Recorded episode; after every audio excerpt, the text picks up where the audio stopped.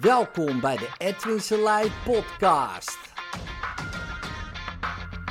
Voor inspiratie, stimulatie en motivatie om je dag goed door te komen.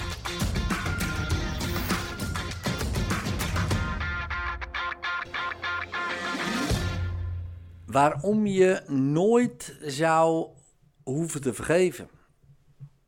Ehm, je hoort het vaak, eh, je, je moet diegene vergeven, dan kan je verder eh, vergeven, daar gaat het allemaal om. Vergiffenis schenken, waar het woord gif in zit. Uh, nou, daar mag je helemaal afvragen of dat nou heel handig is om het gif te gaan schenken aan iemand. Um, maar ik, wanneer uh, wij uh, sessies doen, hè, sessies uh, met mensen, dan zeggen we altijd ja, het belangrijkste in een sessie, hè, bijvoorbeeld met een regressiesessie, is je hart luchten. Hè, dus zeg wat je te zeggen hebt en vergeven. Maar ik ben daar een beetje op teruggekomen. Niet op dat hart luchten. Je moet je hart bevrijden van haat en wrok en woede. Dat is super belangrijk.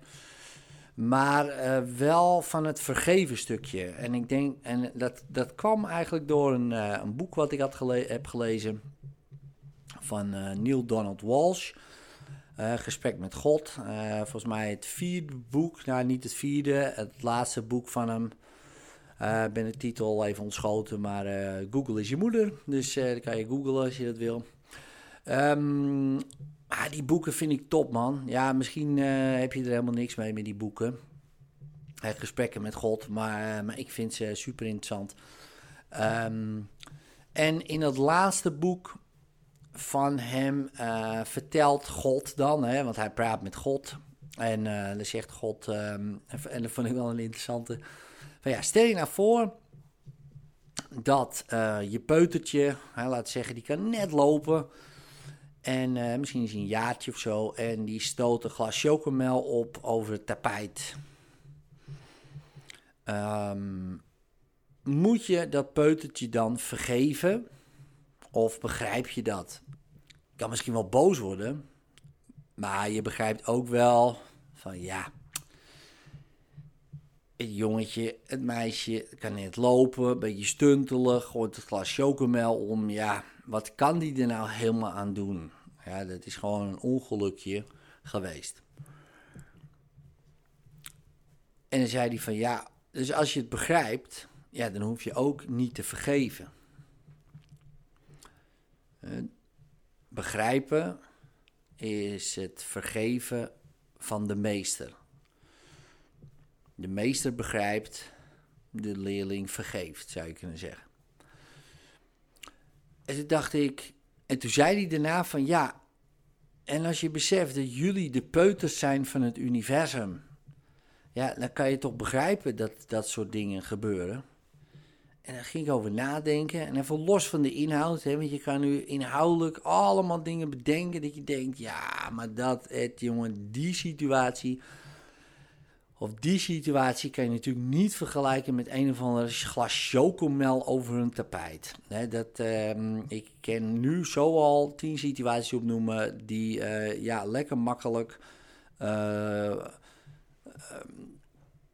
lekker makkelijk zeggen. Van ja, um, dat begrijpen we allemaal. Maar als jij heel erg uit gaat zoomen. En je weet hoe iemand is opgegroeid. De baby die opgroeit. Maar ook uh, de vader en de moeder van die baby, hoe die zijn opgegroeid. En ook weer die vader en moeder, hoe die zijn opgegroeid. En je kent dat hele verhaal. Dan, even, dan is het geen excuus dat iemand iets verschrikkelijks gaat doen. Dat niet. Maar je kan het begrijpen. En wanneer je het begrijpt, is er ook geen vergeving nodig. Want je begrijpt het. Maar dat begrijpen is best ook wel een beetje eng. Um, en dat is even een klein zijstapje, paadje, waarom ik de film Joker bijvoorbeeld ook zo heel goed vind. Omdat je ziet daar een persoon, je ontdekt het verhaal van die persoon. En daardoor krijg je sympathie met die persoon, maar die, die persoon is gewoon gestoord. En toch krijg je sympathie. En dat is best wel beangstigend. Maar ook kan het je aan het denken zetten van ja, iedereen die nu vastzit, en ik zal niet zeggen of het wel of niet goed is. Uh, ik denk dat iemand vastzetten in een gevangenis ja, niet helpt. Ja, behalve om hem nog uh, slimmer te maken als uh, crimineel. dus dan denk ik aan het systeem in Noorwegen, dat werkt beter. Maar goed, dat terzijde, misschien een andere podcast. Maar maar als je ze allemaal zou begrijpen, ja, waarom zou je ze dan vastzetten en niet op een andere manier helpen? Ja, en ik denk juist dat het, dat het heel kortzichtig is door te focussen op één moment. Een moment wat een gevolg is van allerlei andere gevolgen.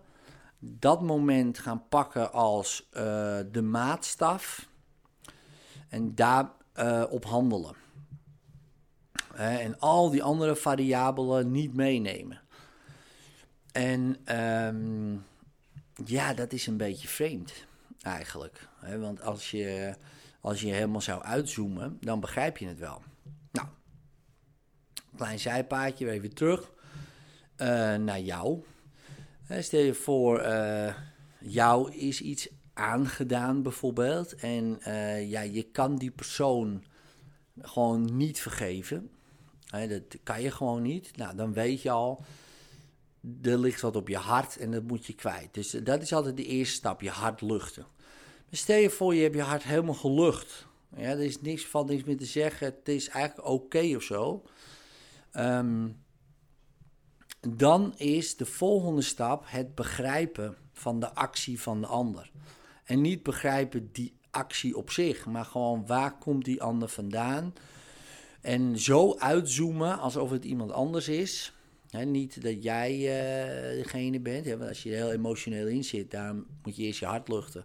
Ja, dan is dat gewoon niet te doen eigenlijk. Maar als je helemaal zou kunnen uitzoomen, denk je, ja, ja, ja, als je dat meemaakt, kan ik het begrijpen dat je dan zo gaat doen. van los van, zonder excuses, uh, van of je het wel of niet zou moeten doen. Natuurlijk niet, hè, als het iets heel ergs is, maar maar je kan het dan begrijpen. Op het moment dat het begrip ontstaat, is de greep van de ander weg. Van daaruit, en dit is nog wel next level, en dit is eigenlijk de Jezus Christus uh, tactiek, uh, compassie. Hey, compassie is een mooi woord, maar probeer het maar eens te doen. Uh, bij compassie voelen bij iemand die jou iets aangedaan heeft hè, voor jouw idee. Ja, en dat kan iets verschrikkelijks zijn. Probeer dat dan maar eens. Dan is begrip al, al next level. Maar kan je nagaan, maar stel je voor, bedoel ik, als het wel kan, dat je het gevoel kan hebben, Jezus, wat erg voor jou dat jij dat hebt moeten doen bij mij. Hoeveel pijn zou jij wel niet gevoeld moeten hebben dat je zo tekeer moest gaan tegen mij. Wat erg voor je. Als je dat kan, als je het zo kan omdraaien, dan raakt helemaal niks je meer. Het is hetzelfde als uh, Jezus die wordt gekruisigd, hè, dat verhaal. En uh, die spijkers uh, worden in zijn handen en voeten geramd. En zegt, Heer, vergeef ze, ze weten niet wat ze doen. hij voelt, hij vindt het erger voor hun dan voor hem. Ja, dat, dat zij dat moeten doen, vindt hij erger. Nou, dat is uh, next level therapy, hè? Als je dat uh, kan, kan doen, hè? bij jezelf bijvoorbeeld. Dus daarom denk ik, vergeven um, is helemaal niet nodig als je begrijpt. Want als je het echt zou begrijpen, hoef je iemand niet te vergeven. Dus dat, ik denk, daar gaat het om. Het begrijpen van de ander. Het begrijpen waar die vandaan komt. Nou, als dat lukt, wanneer dat lukt, dan de volgende stap, compassie. Nou, dat is wel heel lastig. De eerste is al heel lastig, hè? het begrijpen. Maar je doet dat begrijpen niet uh, voor die anderen, niet om voor goedkeuring of zo. Het gaat erom van dat die greep, dat, dat die greep van die ander, van de actie, van eh, je verleden, van wat dan ook, dat die zijn kracht verliest. En dat die niet meer kan bestaan, omdat jij begrijpt. En dan ontstijg je het. Als je dat dan nog kan omdraaien naar compassie, ja, dan, dan, dan dat is gewoon een verlichte actie. Letterlijk. Ja, dus dan ga je die kant al op. Ja, dus eh, voor je, voor je, voor je karma is dat natuurlijk geweldig, hè, als we het zo zouden bekijken. Maar uh, even los daarvan uh, voel je je echt een stuk beter. Ja, omdat niemand jou dan meer kan raken. Omdat je begrijpt en compassie ervaart. Hè, bij de haters.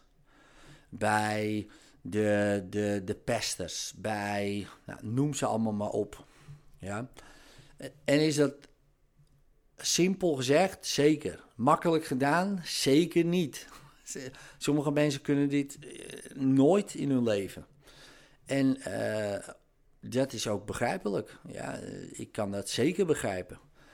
Maar wanneer jij dit luistert en je denkt, ja man, ik wil gewoon niet dat die ander, of dat mijn verleden, of dat mijn, of die situaties die er gebeurd zijn, die me nog steeds in hun greep houden, dat die, uh, dat die zoveel effect hebben, dan is dit een goede stap om te doen. Eerst je hart luchten, alles zeggen wat je te zeggen hebt, ram het eruit op een bokszak, uh, stel iemand voor, beuk hem helemaal in elkaar. Dat klinkt heel apart wat ik zeg, hè, maar gewoon alles eruit gooien. Een grote emotionele zuivering. En als, het, als die haat en die wrok eruit is, die energie, dan naar begrip. Kan dat al eerder? Oké, dan daar beginnen. maar voor sommige mensen moet eerst gewoon die heftige energie moet eruit. Uh, geslagen soms worden. In de zin van dat zij gaan slaan op iets uh, met het idee van dat is iemand. En dat klinkt ook weer heel heftig. Zeg ja, lekker Ed, wat is dat? Dat is toch geen compassie? nee, dat klopt. Uh, dat is een oefening om je te zuiveren. Dat kan ook anders, zeker. dat kan ook meteen richting compassie. Maar voor sommigen is dat echt wel een, uh, een stap, uh, een brug te ver. En dan moet je gewoon beginnen bij, uh, bij de misschien wat, ehm, ehm, nou ja, aardsere manieren. Dus gewoon beuken. Dan als je daar verlichting in voelt of zelfs medelijden. En dat je denkt, ja, dat kan ik ook niet maken man. Dan ben je klaar voor het begrip en de compassie.